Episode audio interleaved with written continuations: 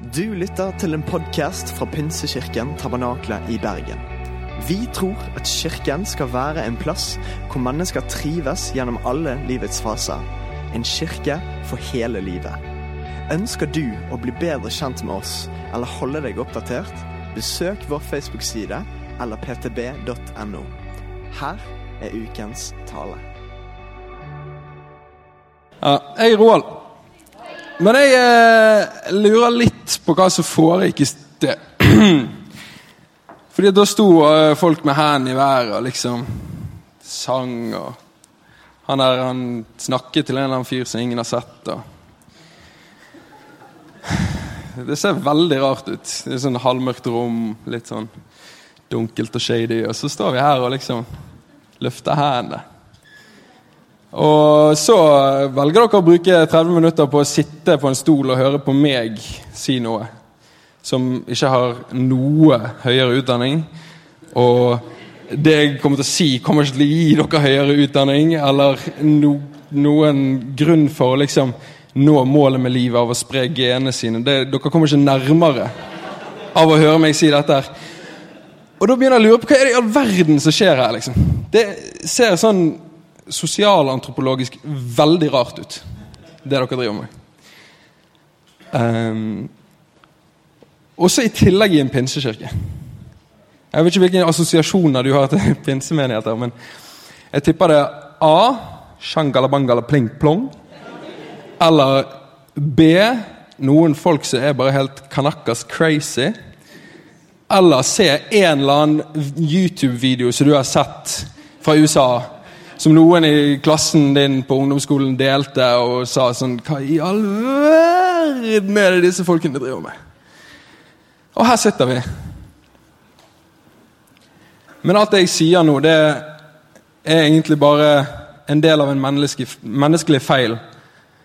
Som handler om at vi bare ser det ytre. Og vi ser bare kommunikasjonen og metodene. Og vi ser bare at folk står her med hendene i luften. og men man, man ser ikke lengre, da. Eh, og det skal jeg prate litt om i kveld. Det at vi skal prøve å se litt lengre, og at vi skal prøve å gjøre det lettere for folk å se litt lengre enn bare disse her ganske rare sosialantropologiske greiene. For grunnen til at folk står med hendene i været her, det er fordi at de har møtt en gud. En skaper av universet som bryr seg om hver enkelt her inne. Det er pga. de har sanset og kommunisert med denne guden, og pga. de går med, sammen med denne guden hver eneste dag. Og Jeg blir skjelven i stemmen, og det er ikke pga. jeg er nervøs, men pga. Det er så stort. Og det er derfor folk står i et mørkt rom med hendene i været. Og det kan se rart ut, men hvis du evner å se til hvorfor folk gjør det de gjør, så skjønner du litt mer. Og så har du pinsemenigheter, og da må jeg prøve å dra dere med inn, helt inn i kjernen av hva det vil si å være en pinsemenighet. Prøve å skrelle av alle lagene med halvveis normale, normale og ikke-normale mennesker helt inn til det kjernen av budskapet og hva det egentlig handler om. Og Da må vi tilbake inn til der det startet. Og På verdensbasis så har pinsemenigheter eh, vært i ca. 110 år. Men for å se det egentlige startskuddet så må vi helt tilbake igjen til år 33 eller noe sånt. Da var det pinsedag. Og det kan man lese om i Bibelen. Og Jesus hadde flydd opp, og disiplene hadde et bønnemøte, og det tok helt av. Det var da, Jeg, jeg tipper du kunne lagd ganske mange bra crazy YouTube-videoer av det bønnemøtet. For det, Da snakket folk om at det brant på hodene til folk, og at det var vind i rommet, og at det var liksom alt ristet. Og, og så stopper vi igjen der. At vi tenker at ja, på pinsedag så skjedde det masse ting som jeg ikke klarer å relatere til. Og der, der, skjedde det bare masse ting som var helt crazy, som jeg ikke klarer å ja, nettopp forstå. Og så glemmer vi å se videre til hva som var resultatet av pinsedag. For fram til pinsedag så hadde historien om Jesus kun vært kjent blant jøder som bodde liksom i områdene rundt det. Men på pinsedag så ble det budskapet kjent til mange tusen mennesker pga. De disiplene. De begynte å bable på alle mulige språk. Og det var språkene til de personene som kom reisende til den byen.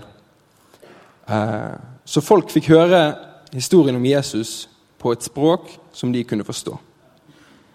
Og det er kjernen i pinse. Og det er kjernen i pinsemenigheter. At folk får høre historien om Jesus på et språk som de kan forstå. Noe som de klarer å relatere til. Og det handler ikke om alle disse eh, andre ytre tingene som vi mennesker klarer å stoppe opp ved, men det handler om at folk får møte Jesus på en forståelig måte. Men da har vi et problem, da, fordi at folk stopper opp med metoden, og folk stopper opp med kommunikasjon, og folk stopper opp med de crazy YouTube-videoene. Og da må vi prøve å klare å ta de et steg lenger. Så det skal jeg prate om i dag. Um, og vi henger oss opp i metodene, vi henger oss opp i hvordan det ser ut. Og det må vi som kristne iallfall ikke drive med. Altså, kan, når du er 76 år og du er innom ungdomsmøtet i denne kirken eh, for å se til dine barnebarn, og så er liksom ungdomspastoren et hologram på svevebrett og flyr rundt i rommet, så tenker du sånn ja, men Hva handlet ikke dette her om Jesus? Men hvis det er det som kommuniserer Jesus til de ungdommene som sitter der, så er det det det handler om. Og vi stopper ikke opp med metoden, og vi stopper ikke opp med kommunikasjonen, men vi ser til budskapet. Eh, og hvis Jesus blir forkynt, så er det, det en bevegelse som jeg med glede kan være en del av. Så hvis du ikke helt er venn med å kalle deg pinsevenn, så kan du iallfall få lov til å ta min eh, Være med, med på den reisen som jeg har gått, og skjønne hva det egentlig handler om. All right. Men er det en avtale? Der er hologrammet, da, da gidder ikke vi å klage. Da, da, er hologram helt greit hvis det forsyner Jesus. Bra. For de som ikke vet hva hologram er, de kan søke det opp i etterkant. Derfor har jeg kalt denne talen 'Ikke drep budskapet'. Og du klarer så vidt å skjønne det. Og bare det er et paradoks i seg sjøl. Vi skal klare å ta folk videre, og vi kan aldri kontrollere hvordan folk hører det vi sier. Jeg kan ikke kontrollere hvordan dere hører det jeg sier, og det kommer kanskje til å slå feil ut hos noen av dere. Og kanskje noen blir litt sur og kommer til meg etterpå, men det går helt greit. Um, men det eneste vi kan kontrollere, er vår ende av kommunikasjonen. Vi kan kun kontrollere det vi sier. Og da er mitt mål for denne kvelden at vi skal komme noen steg lengre i at vi kan ha en god kommunikasjon rundt budskapet om Jesus.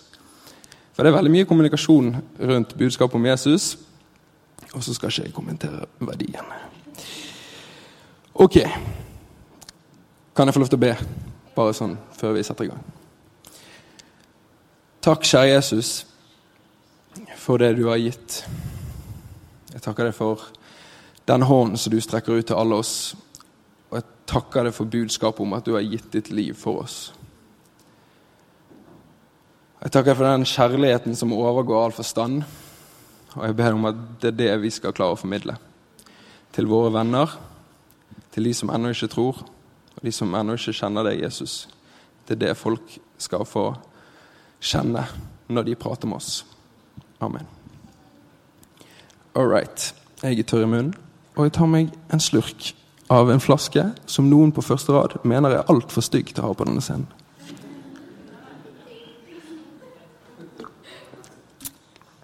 Og så får jeg alltid vann i barten, så det må jeg tørke av. Ok. Jeg vet hva, jeg har tenkt mye på dette. da. Jeg har tenkt enormt mye på dette, og jeg visste ikke hva jeg skulle si eh, til dere i dag. Um, en god stund, helt til jeg fant ut, naturligvis. Og det var mye jeg hadde lyst til å si, og så var ikke det alt som hadde samme tema, så da måtte jeg prøve å finne ut hvilket av disse temaene jeg skulle prate om. Og så landet det, og jeg er så breial å si at jeg tror at Gud har gitt meg disse tankene. Um, noe så sosialantropologisk absurd at Gud kan snakke til oss. Ja, det er spesielt. Men det tror jeg faktisk. Um, og hvis Gud sier ting, så er det jo kanskje verdt å notere. Jeg bare sier det. Um, og jeg kommer til å prøve å rive i dere litt. Fordi det er ikke meningen at dere skal komme her søndag på søndag og bli underholdt eller å ha det koselig. Det er, med, det er meningen at dere skal ha det koselig. Men, eh, og underholdt, for så vidt. Men det skal få en virkning inn i deres liv. Og når Jesus gikk rundt, og disiplene gikk rundt, og folkene i Bibelen spaserte rundt og pratet med folk, så hadde det alltid en fellesnevner at de folkene som de snakket til, de endret livet sitt på en eller annen måte. Så hvis det er noe Hvis det er Guds ord, dette her, så er meningen at det skal endre livet på en eller annen måte. Så bare ha det litt i bakhodet når du kommer her på en søndag, at det kan være at neste uke kommer til å se helt annerledes ut enn uken før. Ok. Er dere med på den? Flott. Jeg har lagt opp tre feller, jeg, til dere. Det høres jo skikkelig bra oppbygging ut. Men det er sånn at vi er mennesker, og vi går i feller. Og Grunnen til at jeg snakker om feller i dag, er ikke for at dere skal gå i feller, men at dere ikke skal gå i de fellene. Um, men det er sånn at hvis du har et kors rundt halsen, og du går ute blant folk og oppfører deg dumt eller sier dumme ting, så kommer det til å få en konsekvens. Det kommer ikke nødvendigvis til å trekke folk nærmere Jesus, men kanskje skyve, skyve de bort fra Jesus. Derfor må vi passe på å prøve å ikke gå i de fellene. Fordi at vi representerer faktisk Jesus på jord akkurat nå, og det er stort. Ok. Felle nummer én den heter 'Fellen av overkomplisering'. Og Den ser ca. sånn ut. Du møter et menneske som du har bedt for lenge, og du tenker at 'jeg har et så stort hjerte for dette mennesket' og ønsker at de skal bli kjent med Jesus. Du møter dette mennesket du har bygget relasjon over lang tid, og endelig får du muligheten til å si noe om Jesus. Om hva det egentlig handler om, denne troen som du går og bærer på. Og så sier du sånn Ok, ok, ok, jeg følger med nå. Yes, du følger med. Det startet Eller på en måte i begynnelsen så var det eh, ånd og svevde over vann. Og så skapte Gud verden. Og det er litt spennende der, fordi det står på en måte oss og dere helt i begynnelsen der. Og det betyr på en måte at det er litt flere enn bare Gud. Og det er litt vanskelig å forstå at det kan være Gud, og så kan det være tre. Men i alle fall, så går det videre, og så kommer det til Moses, og så stikker de ut av Egypt. Og så kommer det til han Elia. Han forsvant opp i himmelen på, på en brennende ildvogn.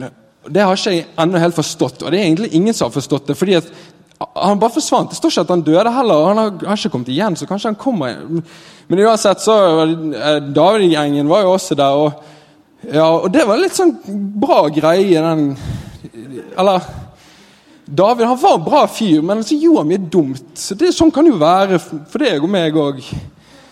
Men eh, Du skjønner, sant? Ja. Det er liksom det det handler om, da. Og så begynner vi å snakke om alt som ligger rundt.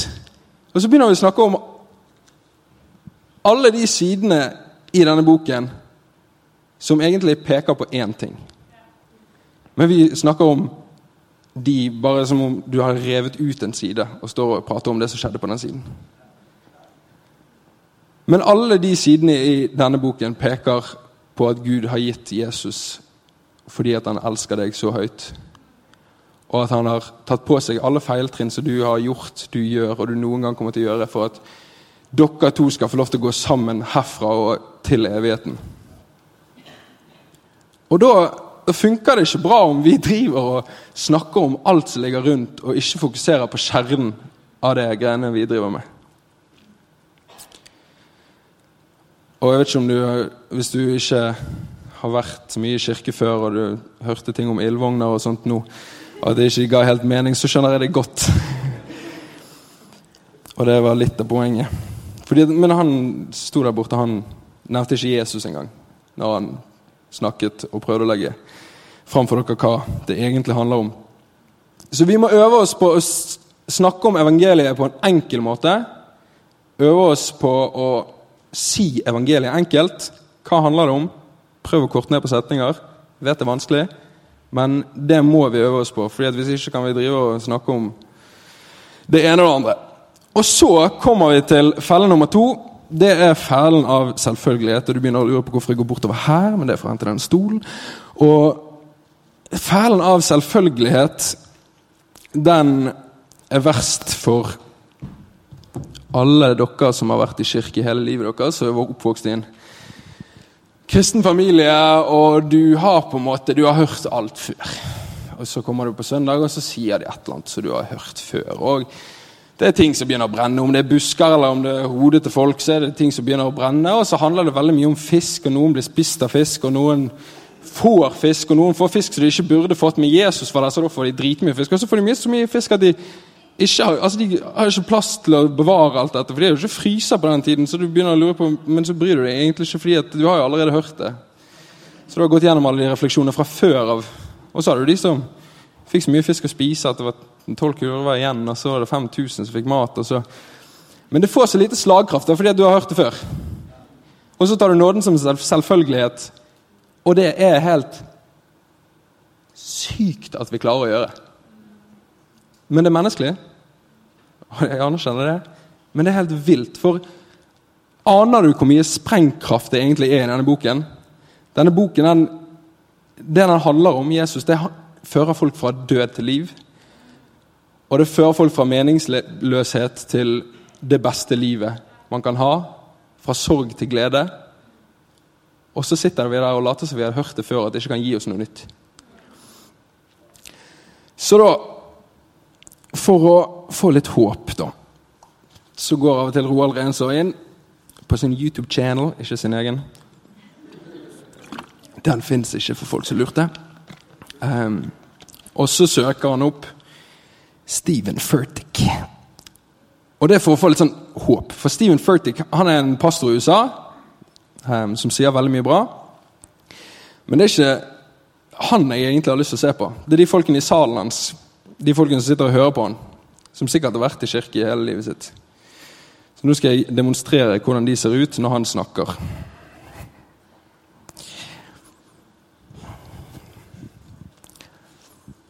Mm. Oh, yeah.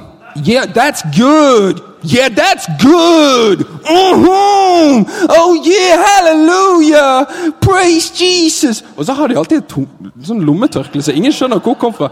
Men Det er sikkert pga. at de blir svett av å høre på han si det. For de tar det ikke som en selvfølgelighet, fordi det er så viktig, det han sier.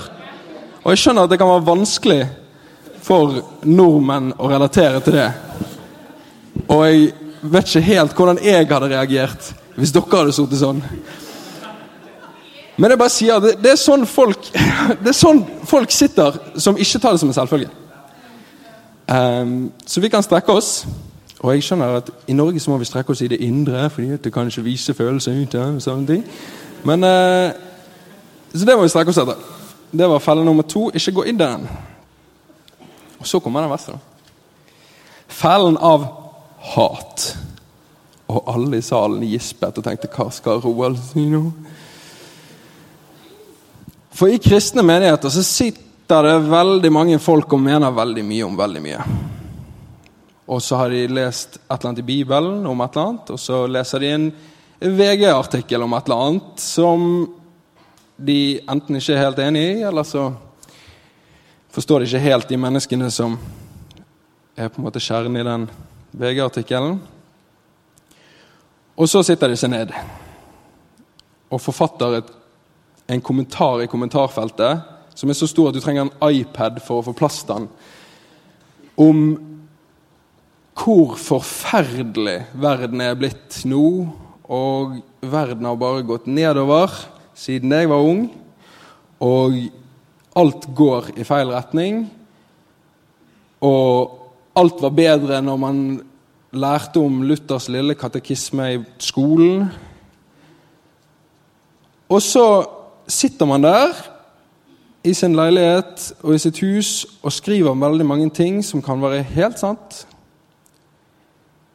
Men når du trykker på 'ferdig' på den kommentaren, så er det ikke sikkert at folk helt forsto hva du mente. Og da står det veldig mange ting, og noen er så breiale å si at disse og disse menneskene de kommer til å ende i evig fortapelse.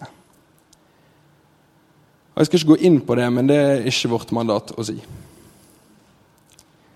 Um, men hvordan tror du det er for folk å lese det? Tror du folk leser denne kommentaren og tenker sånn Ja, det da vil jeg gi livet mitt til. Det da hørtes veldig bra ut. Ja, no, no, takk for at du sa det. Det, no, det har jeg ikke tenkt over. Det, nå må jeg bare vende om. Ja, det funker jo ikke sånn. Det er ikke de historiene vi får høre i kirken av folk som har blitt, uh, har blitt kristne. Det er ingen som sier sånn jeg, jeg var så langt nede i livet, og så bare åpnet jeg den Facebook-appen på min mobil. Og så leste jeg en sånn VG-artikkel, og det var greit. Men så kom det en kommentar. Og da måtte jeg bare rett og slett snu meg. Og begynne livet mitt i en helt annen retning. Oi, se her. Ja. Det funker ikke sånn, da. Og vi er kalt til å elske Gud og elske mennesker. Elske Gud og elske mennesker. Og Det kan være du kjenner at du gjør det, men hvis du skriver en sånn kommentar, så, det være, så er det ikke sikkert at du får kommunisert det. Det er bare det, jeg sier. Og Nå handler det ikke bare om kommentarer. Dere skjønner at dette går utover kommentarer. Det handler om hvordan vi snakker, og hvordan vi oppfører oss, og hvordan vi oppfører oss rundt folk. Bra. Og så er tenker jeg egentlig at Hvis verden går så mye, altså hvis det går galt med verden, og at han tar feile vendinger, og sånt, og samfunnet går ja, nedover, så er det vel egentlig vår jobb å gjøre noe med det. Det er kanskje vi som har ikke gått inn i det ansvaret som Gud har gitt oss om å spre kjærlighet og godhet. Det er kanskje det som gjør at verden går en feil vei. Og Hvis vi hadde brukt all den energien som man bruker på å kritisere, på å faktisk gå ut og møte mennesker og gi dem det enkle evangeliet, så hadde det kanskje gått bedre. Og jeg tror Det kan være vondt å høre, men jeg tror at det som har stått mest i veien for utbredelsen av budskapet om Jesus, at det har fått spredt seg, det tror jeg er kristne. Det er pga. vi er mennesker. Jeg er helt med på den. Men vi kan gjøre vårt beste. Ja. Dette her, her vil jeg ikke Ja, så bra. Ja, det var de tre fellene. Ikke gå i de. Vår verden den peprer oss med kommunikasjon. Og ja Det er liksom Alle har lyst til å si et eller annet om et eller annet. Og eh, hvis vi da sitter og tror at vi holder på det som er sannhet, så må vi klare å forvalte den på en god måte og kommunisere det på en god måte. Så hvordan takler vi den situasjonen av å være i en sånn meningskrig? Da har jeg lyst til at dere skal bli med til denne boken. Fins fortsatt i bokformat men det kommer opp på skjermene for de som ikke leser i sin egen bibel. Er det noen som Oi, er det noen? Det er noen? Bra. All right. Der har vi altså Paulus, som er en av eh, karene som har fått høre om Jesus, og som har skjønt greien om Jesus, og som lever et liv for å gi videre greien om Jesus. Og Han befinner seg nå, han har dratt ut på tur fordi han syns det er så viktig at alle mennesker skal få høre om Jesus, og han har dratt ut på tur. Nå er han kommet til Aten, det er hovedstaden i Hellas, for de som ikke har de kunnskapene. Og eh, Og eh, han drar rundt og forteller vanlige folk om en helt uvanlig gud. Og så kommer han til Areopagos. Um, og det betyr Ares sin klippe. Og Ares han var krigsguden til grekerne. Og når romerne tok over dette området, så kalte de, kalte de det for Mars sin klippe. Og det er krigsguden til romerne. Så da skulle man tro at her var det mye krig og elendighet. Men det var kun meninger som var i krig der. For dette var på en måte Se for deg en utdanningsmesse av religioner. Og alle har liksom flyers. Og alle samler seg i ett rom for å si 'Dette er greien. Dette er det nye. Du må høre på meg.' Og der var Paulus. Og så leser vi fra Apostlenes gjerninger 17, 16. Mens Paulus ventet på dem i Aten, ble han rystet over å se at byen var full av avgudsbilder. Altså ting som ikke hadde noe med Jesus å gjøre. Han var rystet over det. Han skrev ikke en kommentar i et kommentarfelt om det. Han skreik det ikke til noen. Han var rystet over det. Så det kan vi jo være. Det er helt greit. Han talte i synagogen med jødene og dem som trodde på jødenes gud. Og med, den, og med dem Nei, og med dem han hver dag traff på torget. Noen av de epikureiske og stoiske filosofer diskuterte også med ham, og noen sa hva er det egentlig denne pratmakeren sier? Det virker som de har lyst til å komme seg inn til budskapet forbi all støyet. Han er visst en som forkynner fremmede guder. Det var fordi han forkynte evangeliet om Jesus og oppstandelsen. Og sånn er det blitt. Jeg vet ikke om det høres kjent ut, men sånn er det blitt her òg. At det er kanskje helt fremmed for de folkene vi preker med. Jesus og oppstandelse, og det er ingen som egentlig vet hva det handler om. Og da har vi muligheten til å gjøre noe med det. De tok da Paulus med seg og førte ham opp på Areopagos og sa:" Kan vi få vite hva det er for slags ny lære du kommer med? For det er merkverdige ting vi hører, og vi vil gjerne vite hva det egentlig dreier seg om. Verken atenerne eller utlendingene som bor der, bruker tiden til noe annet enn å fortelle og høre siste nytt. Høres dette her litt kjent ut? Vi bruker en del tid på å bare oppdatere oss på hva som er siste nytt. Og scrolle på Insta for å se hva alle vennene har gjort i løpet av den siste dagen. Bare for å være oppdatert. Det er jo ingen som ser på Insta for å se på fine bilder. Det er bare for å være oppdatert. Men de vet bare ikke helt hva den veien heter, og hvor den går. Og det kan vi være med å forsyne. Ok. Så da Hvordan ser dette ut i ditt liv, da? Jeg vet ikke helt hvilke situasjoner du har vært i, om du har hatt mange samtaler om tro eller få samtaler om tro, og hvilke spørsmål dine venner stiller, men jeg får av og til spørsmålet Ja, er du sånn superkristen? Og da lurer jeg på hva det betyr. Først og fremst så spør jeg sånn, Hva betyr det å være superkristen? Jo, du skjønner, for jeg har en tante. Eller Vår familie er ikke så veldig kristne. Da. Vi er liksom, Det er julaften og det sånn. Så, eh, men jeg har en tante, hun er helt superkristen. Fordi at hun synger for maten. Og da tenker jeg Hvis din tante da er superkristen, så sier jeg Og da er jeg kristen, da! Oi, oi, oi, så kristen jeg er, da! Jeg er helt megakristen, jeg. Så hver gang jeg får det spørsmålet om jeg er superkristen, så sier jeg sånn Ja, det er du. Så kristen som det kan bli. Nei. For igjen så handler det om denne menneskelige feilen av å se på hva vi gjør. Og Vi ser på det ytre, og vi ser på bordbønnen, og vi ser på at man går i kirken mange ganger. Men Gud, han ser til det indre. Og han ser til troen vår. Og det å være kristen det handler ikke om hva vi gjør, men det handler om hva som skjer her inni. Og mange ganger så får det konsekvenser for hva vi gjør. Men la oss prøve å hjelpe deg til å forstå at det handler om en indre greie. Og du kan gjøre veldig mye ut, utad, men hvis det indre ikke er helt i synk, så, så stemmer det ikke helt.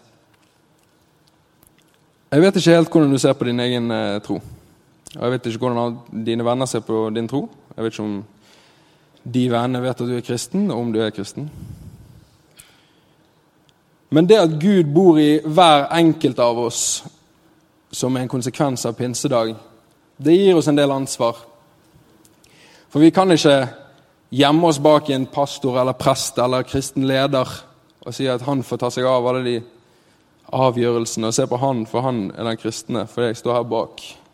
Men med en gang vi er kristne, så blir vi representanter, og det gir oss et ansvar. Og vi er ambassadører for Jesus.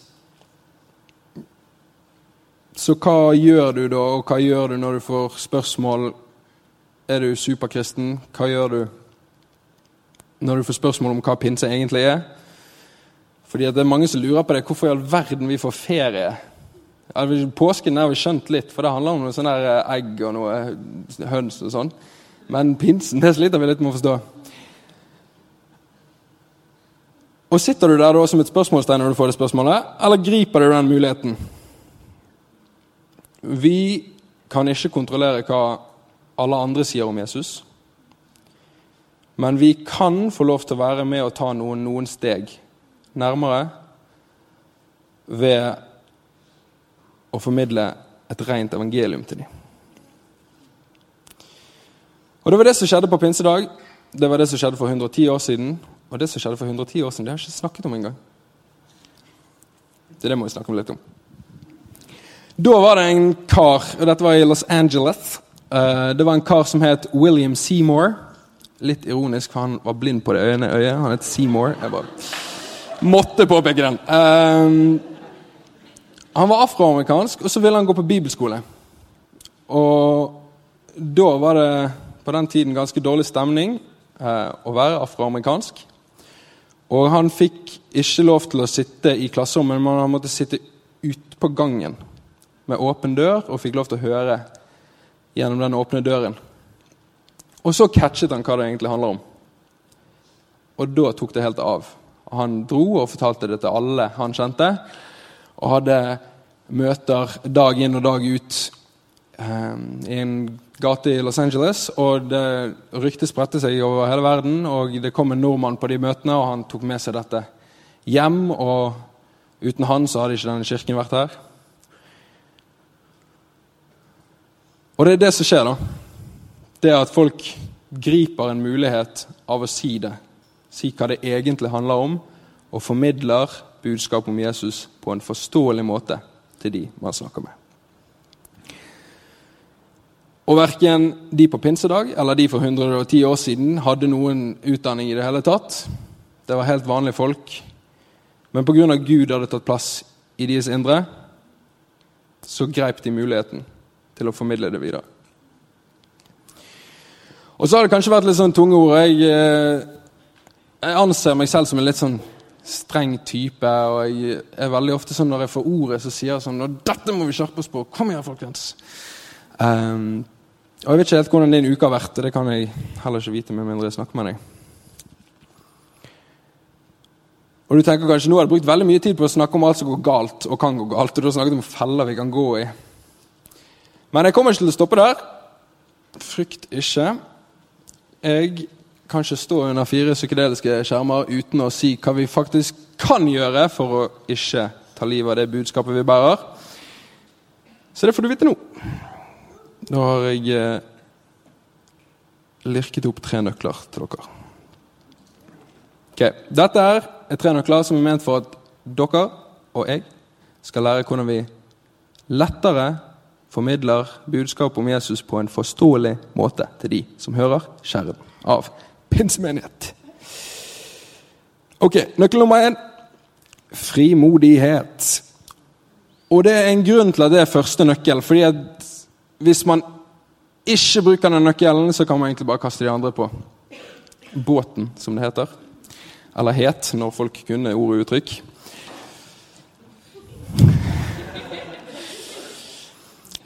Um, uten frimodighet så blir det ingen samtale. Og samtalene de lurer rundt omkring, og de kommer til å treffe deg hvis du går gjennom en vanlig uke og du snakker med mennesker rundt deg. Det var en rask setning. Uh, og i de samtalene så kommer du til et sånt punkt. Et sånt, sånn punkt der liksom bare alt står helt stille. Fordi at du får et eller annet spørsmål. For eksempel er du superkristen? Og så er det sånn der alarmklokke som går av i hodet ditt. Og det er sånn Ok, hva svarer vi nå?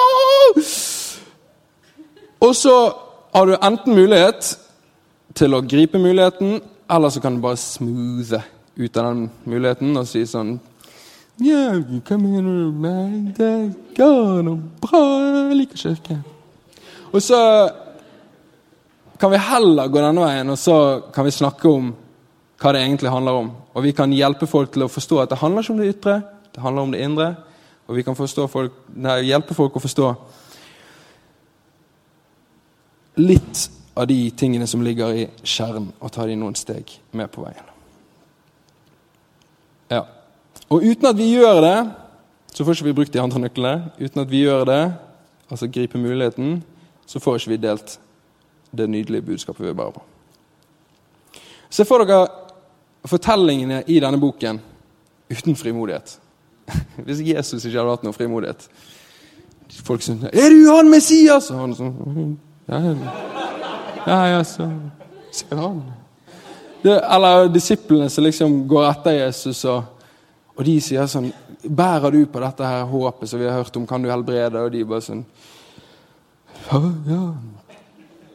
Ja, ok, men eh, jeg må egentlig spise dritmye fisk. Fordi det er utrolig mye fisk hjemme av en eller annen grunn. Ja, Så frimodighet det trengs, og vi må gripe mulighetene. Og det er, handler bare om å hoppe i det, altså. Det gjør det. Nøkkel nummer to det er å søke de gode svar. For de gode spørsmålene de kommer, garantert. Og bærerne av de gode spørsmålene er overalt. For det er store og vanskelige greier å forstå seg på, dette med evighet og treenighet osv. Og, så og, da trenger vi å søke de gode svar. Jeg skal ikke lenger tilbake enn til tirsdag kveld for å være i en samtale der jeg eh, ikke hadde gode svar. Og Etter den samtalen så satte jeg meg ned og så sendte jeg en melding til en som bor i Nederland. En kompis som er veldig god på å gi gode svar. Eh, og så dagen etter på Life så stilte jeg det spørsmålet til en annen som er god på å gi gode svar. For det hjelper å søke de gode svarene. Det hjelper min egen tro. Den blir sterkere. Og jeg kan ta opp igjen tråden med han jeg pratet med på tirsdag, og prøve å hjelpe han å forstå. Ja. Så det er en god ting å gjøre. Og siste nøkkel, det er ydmykhet. Og det er kanskje den viktigste. For Vi kan ikke lage en sånn fremmedgjørende stemning fordi at vi sitter på alle svarene. Og vi kan ikke drive og fordi at vi tror at vi har sannheten. Vi kan ikke drive og kommunisere sånn ovenfra og ned til mennesker. Og Det er faktisk derfor mange eldre pinsemenigheter har så utrolig svære scener. Altså, Det er så god plass her. Og det er ikke en vanlig scene, dette. altså det, det vi er velsignet som har så god plass, og da trenger ikke folk å stå tett. Men det er en grunn til det. da. Det var at Før i tiden så satt, satt halvparten av menigheten på scenen og så mot denne halvparten av menigheten. Fordi det var en sånn derre Her står alle på samme grunn. Her betyr alle like mye, og alle kan være en budbringer av dette budskapet. Det er en fin greie, men vi sluttet sikkert med det pga. det ble litt kleint når den eneste ledige plassen var på scenen og du kom for seint. Det er det jo mange som gjør. Uh, og så kommer du gående opp, og så må du gå forbi pastoren som står og preker. Så. Ja. så det har vi sluttet med. Kanskje vi skal gå tilbake inn til det. Hvem vet? Det handler ikke om metodene, det handler om budskapet. Ja. Og så har jeg med et sitat som kanskje kjernen av ydmykhet. Det kommer opp på skjermen. Unless you are influenced by my uniqueness, I'm not going to be influenced by your advice. Det betyr at hvis, hvis du ikke tar inn over deg at jeg er et unikt menneske med unike spørsmål, så kommer ikke jeg til å ta inn over meg dine råd. For der stopper det. Det er en helt vanlig menneskelig følelse, dette her, eh, som sier noe at vi må, vi må bli tatt seriøst. Og vi må ta folk seriøst med alle de spørsmålene de har. Om de høres flåsete og dumme ut, så må vi høre på dem og svare dem etter beste evne. Ja. Eh, jeg avslutter med en historie.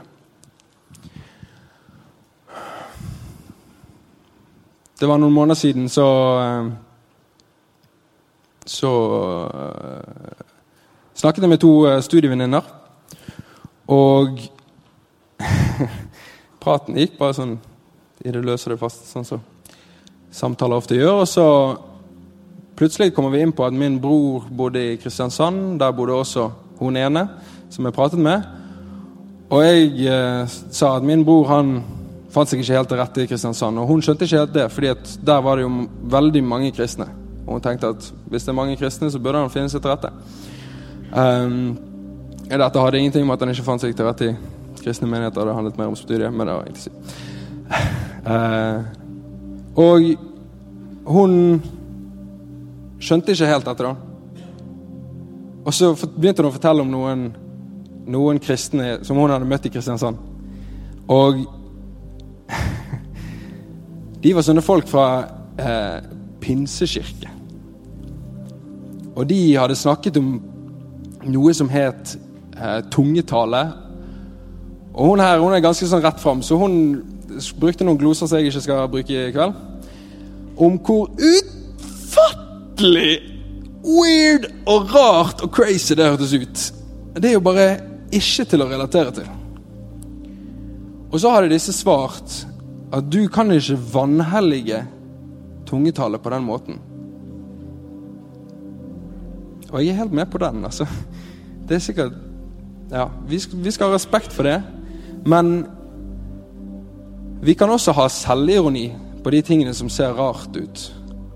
For de folkene som ikke klarer å relatere til det. Fordi at de aldri har vært borti noe sånt før. Så da hun ja, disse var sånne, det var sånne pinsevenner. da. Og jeg satt der i det kritiske punktet av å si sånn Å ja. Så sa jeg sånn Det er jeg òg! og så sa jeg Å og, nei, og da responderte hun Det er du prikk, prikk, prikk ikke. Hun bare trodde ikke på det. Hun bare Du kan ikke være en sånn.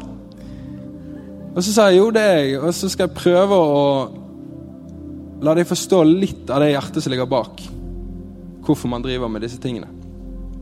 Og da tok jeg henne gjennom begge to gjennom eh, pinsedag og det som skjedde for 110 år siden, og full pakke. Og de endte opp med en sånn Å ja. Men da gir det jo litt mening. Da handler det jo bare om det egentlige budskapet. Og så kan det se litt rart ut. Det er jeg helt enig i, for det ser jo ganske rart ut inni og ne. Ja. Men jeg håper at vi blir sånne mennesker som drar i rett retning. Jeg håper at vi blir folk som hiver seg frampå når spørsmålet kommer, og snakker naturlig om det som er mest naturlig for oss, å tro på Jesus og leve med Han i hverdagen. Ja. Jeg håper vi blir den kirken og de folkene som virkelig går ut og ikke står i veien for det budskapet som har størst sprengkraft i hele verden. Hmm. Nå skal ikke jeg si så veldig mye mer.